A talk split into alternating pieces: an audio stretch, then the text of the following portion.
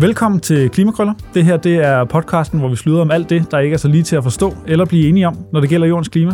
I dag der har vi øh, CEO for Energy Samir. Velkommen til. Tusind tak. Det skal handle om, øh, om geotermi, og, øh, og jeg tænker, vi skal, vi skal starte der, og vi skal lige have etableret, hvad, hvad er det, og, og hvad gør jeres firma? Ja. Jamen, geotermi, det er jo øh, at udnytte den øh, energi, der kommer fra jordens kerne. Altså det, de fleste ikke tænker over, det er, at øh, jordens kerne faktisk har den samme temperatur som jordens overflade. Og det er en energi, der øh, 24 timer i døgnet stråler ud fra, øh, fra, fra jordens kerne. Og den energi kan vi høste i de vandreservoirer, der ligger 2-3 km øh, under vores fødder. Og hvad er forskellen på geotermi og jordvarme? For det tænker jeg, man, man sidder og spekulerer på derude. Jordvarme er typisk i de øverste lag, altså hvis man kobler en varmepumpe op øh, til noget jordvarme, så lægger man nogle slanger ned øh, lige under, øh, under ens græsplæne, og så når solen varmer jorden op om sommeren, jamen så er det noget af det, man kan høste ved almindelig, ved almindelig øh, jordvarme. Men, men geotermi, der bruger man de her 2-3 km ned for at høste den varme, der kommer fra, fra jordens kerne, og som er, er konstant hele året rundt. Så, så jordvarme, det er den energi, man, man kan have ambitionen om som privat husholdning og, øh, og opsamle, som i virkeligheden kommer fra, fra solen, der, der skinner på jorden. Hvor, øh, hvor geotermien, der skal vi noget længere ned og have fat i nogle noget øh, større bord for at, for at nå derned. Der skal vi have fat i, i virksomheder som, øh, som jer. Hvad er det for en situation, vi, øh, vi står i i dag, hvor, hvor geotermi øh, har et, et potentiale, måske også større end det har haft historisk set?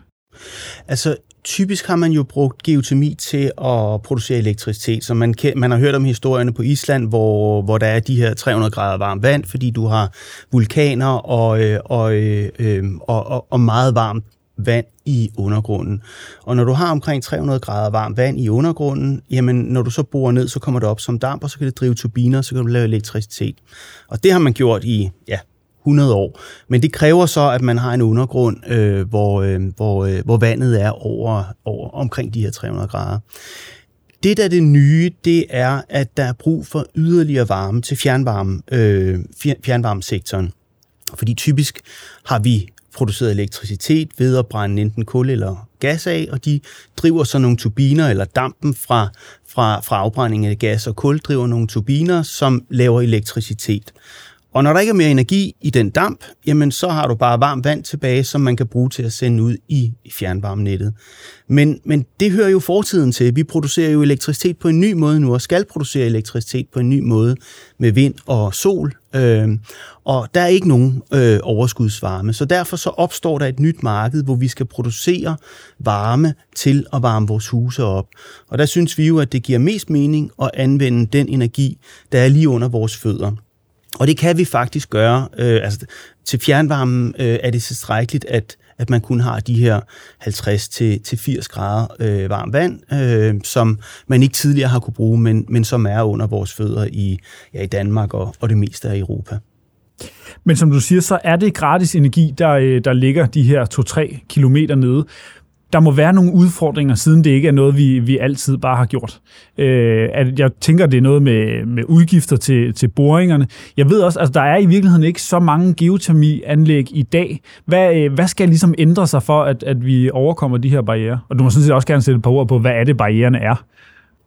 Altså typisk, øh, altså markedet har ikke været der tidligere, fordi at du havde masser af overskudsvarme, og det marked er der nu. Så det er den, det er den første nye ting, der er der nu her. Men så... Øh, er det heller ikke helt simpelt at bore øh, 2-3 km ned. Det er heller ikke helt simpelt at få det her vand til at flyde i, øh, i 20-30 år. Så der har været en del risiko ved det. Øh, også man kan risikere at bore ned, og så finder man ikke noget vand, og så har man spildt en masse penge på det, og hvem skal så, hvem skal så betale for det? Så der er noget omkring risiko, hvor vi har udviklet en ny forretningsmodel, hvor vi siger, jamen, vi kommer jo ud af et olieselskab, så vi kommer jo ud af Mærsk Olie, og vi har jo kompetencerne til at vurdere de her risici. Og derfor tænker vi også, at det er mest øh, optimalt, at vi tager hele den risiko. Så det er en ny forretningsmodel, vi har udviklet, hvor vi tager hele undergrundsrisikoen. Øh, så det er den ene barriere, øh, der har været tidligere, og så den anden barriere, der har været, det prisen. At det har været for, for dyrt. Øh, og, og der skal man jo kunne konkurrere med den billigste grønne alternativ, og i de store byer vil det typisk være afgiftsfri biomasse. Og der har vi brugt vores øh, ja, 20, 30, 40, 50 år i erfaring fra olie og gas til at drive omkostningerne ned på geotermi og lave det i stor skala, således at, øh, at man får de her stordriftsfordele, der har gjort, at vi nu er nede på en pris, hvor vi kan konkurrere med afgiftsfri biomasse. Så det er de to store barriere, der har været. Det er det her med risiko, og så har det været, været prisen. Og, øh, og den pris, som, som øh, I nu har, hvad bygger I, I den på? Er det anlæg, som, som står og kører, eller er det udregning? Hvor, hvor er I i virkeligheden i den proces om at få udrullet geotermi til fjernvarme? Det er en pris, vi garanterer, og hvis vi ikke kan levere det til den pris, jamen så, altså vi, vi, har, vi har, vores forretningsmodel bygger på, på en almindelig forretningsmodel fra, fra olie og gas, hvor vi har, hvor vi har inddelt det i, i sådan fire faser. En udviklingsfase, en, en efterforskningsfase, en konstruktionsfase og en driftsfase. Øh, og vi tager så risikoen i alle de her fire faser, men, men, men det, der sker i udviklingsfasen, det er, at vi skræddersyr et geotermisk anlæg til en by øh, sådan så at det ligger mest optimalt og, øh, og bliver udnyttet øh, mest optimalt. Og der skal vi så på det anlæg kunne garantere en pris, som ikke må være højere end afgiftsfri biomasse. Og hvis vi kan det, jamen så skriver vi en aftale med, med, med fjernvarmeselskabet omkring det her, og så går vi i gang med efterforskningsfasen, det vil sige, det er det, vi er i gang med i Aarhus nu, hvor vi skal bore to til tre øh, efterforskningsbrønde, øh, og for at se, om, om der virkelig er så meget vand i undergrunden, om det har den rette temperatur, om vi kan få det til at flyde. Det er vi nu ret overbeviste om, vi kan, men, men der er ingen, der ved det, før vi i virkeligheden har boret de her efterforskningsbrønde. Og hvis vi så kommer til slutningen af efterforskningsfasen, og vi ikke kan levere til den pris, vi har lovet, som er det samme som afgiftsfri biomasse, jamen så må vi pakke sammen, og så har vi mistet de penge, vi har brugt i Aarhus. Men det har ikke kostet fjernvarmeselskabet eller borgerne en krone. Øh, det, det er vores risiko, og det mener vi er den rigtige model at gøre det på, fordi det er jo os, der kan vurdere, om det her det giver, om det her det giver mening. Men, men på den måde får fjernvarmeselskabet en fast pris og ingen udfordringer, som man blandt andet så i Viborg, hvor fjernvarmeselskabet selv borede den her brønd og, og endte med, og jeg tror, man, havde, man, man fik brugt 160 millioner, som så skulle deles ud på, på de forskellige varmekunder, uden de fik noget for det. De ville nok gerne have haft, at der var nogle andre, der havde taget den risiko. Hvad er det så for nogle, øh, hvad er det for nogle risici, I er, I er ved at tage nu? Altså, hvad er det for nogle projekter, I er, I er ved at sætte i gang? Nu nævner du Aarhus. Jamen, øh, Aarhus er det første projekt, og der kommer vi til at skulle levere omkring 20 procent af varmen øh, i Aarhus. Så hver, hver femte hus i Aarhus, kan man sige lidt populært, kommer til at få, få varme øh, fra, fra geotermi, fra, fra lige under deres fødder. Og typisk plejer vi at kunne levere mellem 20 til 40 procent af, af varmen øh, i, i de store byer øh, med geotermi. Geotermi skal ikke levere 100% af varmen, fordi at øh, det er dyrt at etablere geotermi, det er til gengæld billigt at drive geotermi, så det skal helst være noget, som du bruger det meste af året, og så skal du have nogle andre varmekilder til de der meget kolde vinterdage, hvor der er brug for, for noget ekstra, men hvor der kun er brug for det i meget kort tid. Der skal du have noget, der er opbygget på den anden måde, så billigt at etablere, men dyrt at drive, fordi det ikke skal drives så mange timer. Det er den måde, man får den billigste varmepris til forbrugerne. Jeg tænker, vi skal, vi skal et, et skridt tilbage i forhold til, til selve teknologien. Fordi øh, når, øh, når I bor ned i, i 2-3 km dybde, hvad er det så, der sker? Altså lavpraktisk så pumper I noget koldt vand ned og får noget varmt op. Hvad, hvad, sker, der, hvad sker der mellem de to øh, boringer? Altså det, der faktisk sker, det er, at vi borer det, vi kalder en produktionsbrønd. Øh, der er ikke noget tryk på det her reservoir, så vi sætter en pumpe ned i den her brønd, øh, når vi er færdige med brønden, og så pumper vi det geotermiske vand op. Og det vil typisk være, det vi forventer i Aarhus, det er mellem 70 og 80 grader varmt. Øh, og det, der så øh, helt lavpraktisk sker, det er, at vi kører det her geotermivand igennem en varmeveksler, som basically bare er en metalplade, hvor det, du har det varme geotermivand på den ene side, og så har du det kolde fjernvarmevand, som kommer tilbage fra, fra forbrugerne på den anden side. Og så er det jo rent fysik, at så løber varmen fra det varme vand via metalpladen over i, øh, i det kolde vand. Og det betyder, at vi kan overføre øh, varme til fjernvarmevandet øh, helt ned til øh, returtemperaturen i fjernvarmenettet, som typisk vil være de her 45 grader.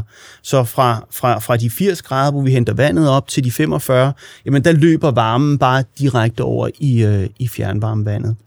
Og så for, at vi ikke skal spilde energi og sende 45 grader varmt vand tilbage i reservoiret, så sender vi faktisk øh, øh, geotermivandet, øh, der nu er 45 grader, gennem en, en, øh, en varmepumpe, en stor varmepumpe, og trækker vi den sidste del af energien ud af, af det her geotermivand ned til 10 grader. Og når vi så har trukket det ud, så sender vi det tilbage i reservoiret, øh, i en, det, vi kalder en injektionsbrønd. Og det er jo bare en ny brønd, som sender det ned et andet sted i reservoiret. Og så bliver det kolde vand så varmet op igen af, af alle de sten og, og undergrunden, der, der er dernede. Øh, og hele den her proces fra, at geotermivandet ligger i undergrunden og er 80 grader varmt, til vi har hævet det op i en pumpe, været igennem en varmeveksler, gennem varmepumpe og sendt ned i reservoiret igen, tager omkring halvanden time. Og hvor lang tid er levetiden på sådan et anlæg? Øh, vi bygger det til 30 år. Øh, og det, det er simpelthen tilbage fra olieindustrien, at de fleste største omkostninger ved at lave sådan en geotermianlæg, det er brøndene, øh, og de er bygget til at have en levetid på, på, på 30 år. Og vi sørger så for at have en afstand mellem brøndene, sådan så at først efter 30 til 50 år begynder man at se, at vandet i produktionsbrønden bliver lidt koldere, end det oprindelige var, men det er et par, par enkelte grader. Så når vi det også, øh, eller så holder det også til 2050, så det er jo øh, det, er jo det vi sigter efter alle sammen. Øh, så det lyder godt. Er det hele Danmark, der bliver, bliver glad for, for geotermi, eller kommer vi til at mangle Fyn? Øh, vi kommer til at mangle Fyn, fordi der, der, har du, øh, der, der ser reservoiret desværre ikke så godt ud, men, men der er de jo heldigvis i gang med alle mulige andre gode tiltag for at, øh, og, øh, at komme af med, med, med kullet. Øh. Så der finder de andre løsninger? Ja, men hele Sjælland og det meste af Jylland øh, ser, ser rigtig, rigtig fornuftigt ud. Og det gør Europa også. Øh, så det er jo Danmark, der kommer til at gå forrest her. Altså der betyder det rigtig meget det her med, at man har en, øh, et, et, et, et fyrtårnsprojekt, som, som det i Aarhus, der kommer til at være EU's største geotermianlæg, hvor man kan vise andre fjernvarmeselskaber, andre byer i Europa, hvordan et intelligent energimix ser ud, når det skal være, når det skal være grøn varme, øh, der skal leveres. Så Samir, det som, øh, som I gør, det er, at I prøver at efterleve øh, Dan Jørgensens øh, budskab om et, et forgangsland. Hvordan, øh, hvad får det af, af konsekvenser, eller hvad har det af muligheder for, for resten af, af Europa, som jo faktisk også kan bruge noget af, af den her teknologi? Jamen altså i Danmark er vi jo kommet rigtig langt med, øh, med, med at konvertere varmen til, til biomasse og, og, og CO2-neutral øh, varme. Øh, og varmen er jo faktisk en kæmpe del af vores energiforbrug. Jeg tror, det er 40 procent af vores energiforbrug i Danmark, der bliver brugt til, øh, til, øh, til varme. Øh, og jeg tror, hvis man kigger på Europa, er det vist 13 procent af al den CO2, der bliver udledt, bliver simpelthen udledt til at varme vores huse op. Og det er jo fordi, vi gør det på den måde, vi altid har gjort ved at brænde noget af. 13 procent kan man sige, okay, hvor meget er det? Men i EU er det faktisk omkring 450 millioner tons CO2 om året, vi udleder, fordi vi skal varme vores huse op. Og derfor tror vi, der er et endnu større potentiale i Europa, fordi at, jamen, der er det jo ikke biomasse, man erstatter, men der er det faktisk kul og gas. Og jamen, bare i Tyskland er der 20 millioner husstande, der skal konverteres fra gas. Øh, Polen er 95 procent af al varme baseret på, øh, på, på kul, hvor man skal finde nogle alternativer nu her. Og det vi faktisk ser, det er jo, at... Øh, at systemerne begynder at virke med de her CO2-kvoter, øh, øh, at vi ser, at, at, at de CO2-kvoter, som virksomhederne har fået, bliver jo mindre og mindre år for år, og vi ser faktisk også i 21, at, øh, at priserne på CO2-kvoterne tredoblede. Så det, der sker, det er det her med at brænde kul af for at lave strøm og varme, det begynder at blive meget, meget dyrt. Og derfor begynder virksomhederne at kigge efter alternativer. Og der er det bare meget vigtigt at have et eksempel som Aarhus, hvor man kan sige, jamen, kig på Aarhus. Øh, og Danmark er faktisk i Europa, det meste Europa, anerkendt som, øh, som et land, der er forgangsland inden for, for fjernvarmen. Så når man laver sådan noget i en stor by som Aarhus, så er det altså noget, der, der bliver kigget på i Europa. Og det synes vi jo er rigtig positivt, fordi det kan virkelig drive noget, noget CO2-besparelse. Ikke kun i Danmark, men, men faktisk også i Europa. Det lyder som om, der er et kæmpe potentiale, som jeg, jeg tror ikke, jeg skal opholde dig længere. Jeg synes, du skal ud og, og forløse det. Tusind tak, fordi du vil komme ind på det. Tak.